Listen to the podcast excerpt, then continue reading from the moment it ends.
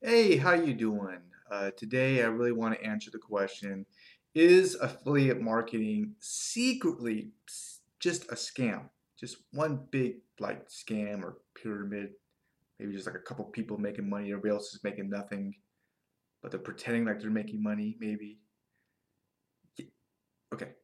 Well, when I hear the word scam, I think of like fraud, lying. That's what comes to my mind, right? A couple examples would be the classic Fyre Festival. You ever remember that? Where the guy was like showing like models on Instagram. It was a big music festival and people spent money.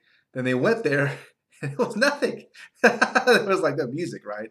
It was a bunch of fraud. And uh, the creator just didn't deliver the goods. And then he had to change his name because his whole brand just took a massive hit. And then he tried other things after that or whatever, but he got in trouble, went to jail.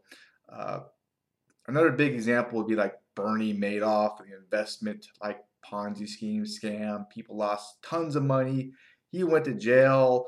Uh, romance scams is a big one too. There's a lot of them out there.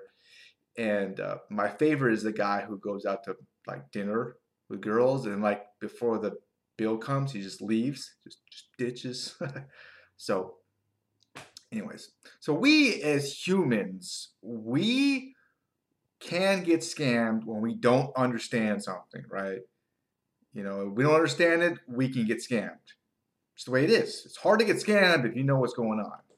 With affiliate marketing, it's just it's really, really hard for it to be a scam. And I'm going to explain that. If you look at ClickBank, JVZoo, Commission Junction, all the little marketplaces that have affiliate programs out there, uh, they all have money back guarantees. How do you get scammed if you can get your money back? I don't get it. Uh, if there's too many refunds, they'll actually pull the products out there. Okay, I mean, look at like college. Yeah, try to get your money back from college. There's a well, I'm not gonna say it's yeah, it is kind of a scam. I mean, especially with student loans and everything. Sallie Mae, the only way to get rid of her is pay her off or die. And just you know, you can't pay, go bankrupt on student loans. And then if you don't, maybe there's fraud. You're like, oh, I thought I was gonna get a job, and you're not. You spend all this money. There you go. So, anyways, but uh, with affiliate marketing, you know, it's just it's pretty hard. Uh, another example is like merchant accounts. Uh, you know, merchant accounts allow you to process credit cards online and uh, debit cards. It uh, there's a paper trail. There's a paper trail, and they'll shut down merchant accounts if there's just too many chargebacks. And chargebacks are really there for a way for consumers to get their money back from you know fraud, from buying something they they, they if they didn't get what they you know thought they were going to get. Uh, so it's really hard for affiliate marketing to be kind of a scam, really. And I'm gonna go a little deeper on this, but trust really is everything in business. If you think about it, it comes down to trust. That's the number one currency out there, right? And uh, it's why you want to be incremental with that. Now, with affiliate marketing, you know, I always use my face. I use my real name. I'm not trying to hide behind something, and I'm always looking kind of skeptical of like sales pitches where it's like a robot. I'm like, hey, that's something's a little off. You could feel it. I don't like that. How about you? Um, but it builds trust. It really does. If you put your face on something and use your name. And uh, the first product I introduce is very small, just a little baby product, right? And it's really, really good. At least I think it's like really, really good. Um, this builds the trust, helps set the whole relationship correctly. Uh, and uh, it really is important to have skin in the game for the customer as well, for the person buying it. Uh, this is why Russell Brunson, who's very smart in a lot of ways, uh, he gives away a book, but he makes people pay for shipping, just a little bit of money, so they have skin in the game. Uh, because if you don't pay for anything, you don't value it, right? There's definitely some truth to that. You know, like I said, but also help build the relationship correctly. Here's an example. If you give everything away for free, and then you finally do go, okay, I'm going to like sell something. People are like, oh, wait a minute. Oh, oh, now he's he's a greedy guy. He's trying to get me for money. They're not used to it. It's like a culture shock. You just, it's not set up right. It's like being with a girl for, you know, forever, being friends with her, and then trying to make a move. Like, wait a minute, I don't see that way. We're just friends. You're in the friend zone, right? It's, the relationship's not set up correctly. You know, it's the same thing in business. You got to kind of set it up a little bit correctly, right? It's kind of hard back. It's hard to go back and do anything. That, that has to do with relationships too. If it just goes south, yeah, there's some things you can do, but yeah, sometimes you just you can't go back and fix things. Same thing in business in a lot of ways. Might as well just move on.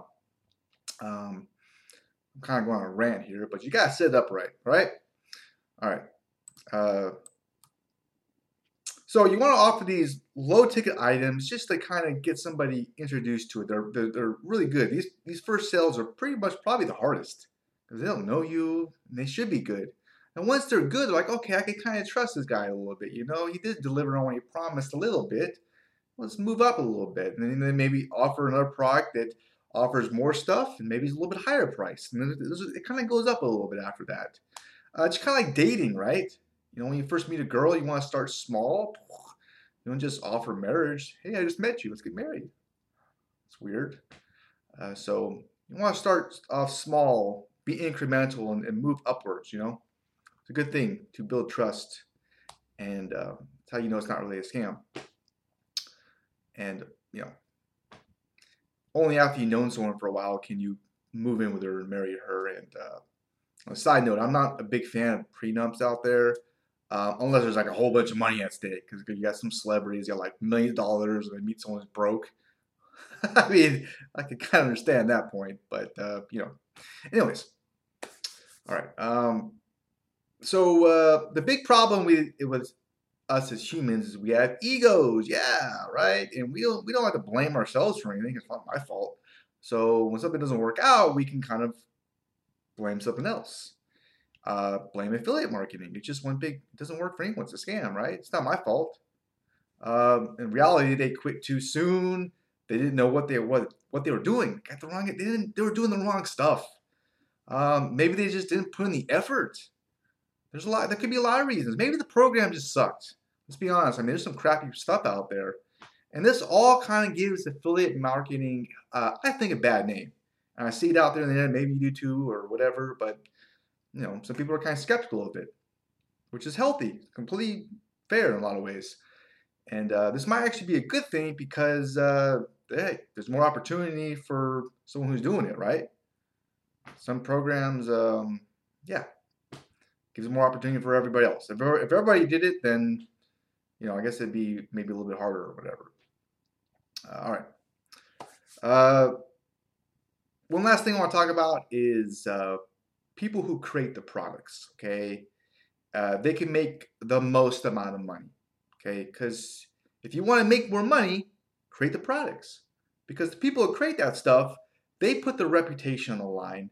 They have a whole lot more skin in the game, um, and they put a lot of work into it usually. So they deserve the money. They really do. Okay.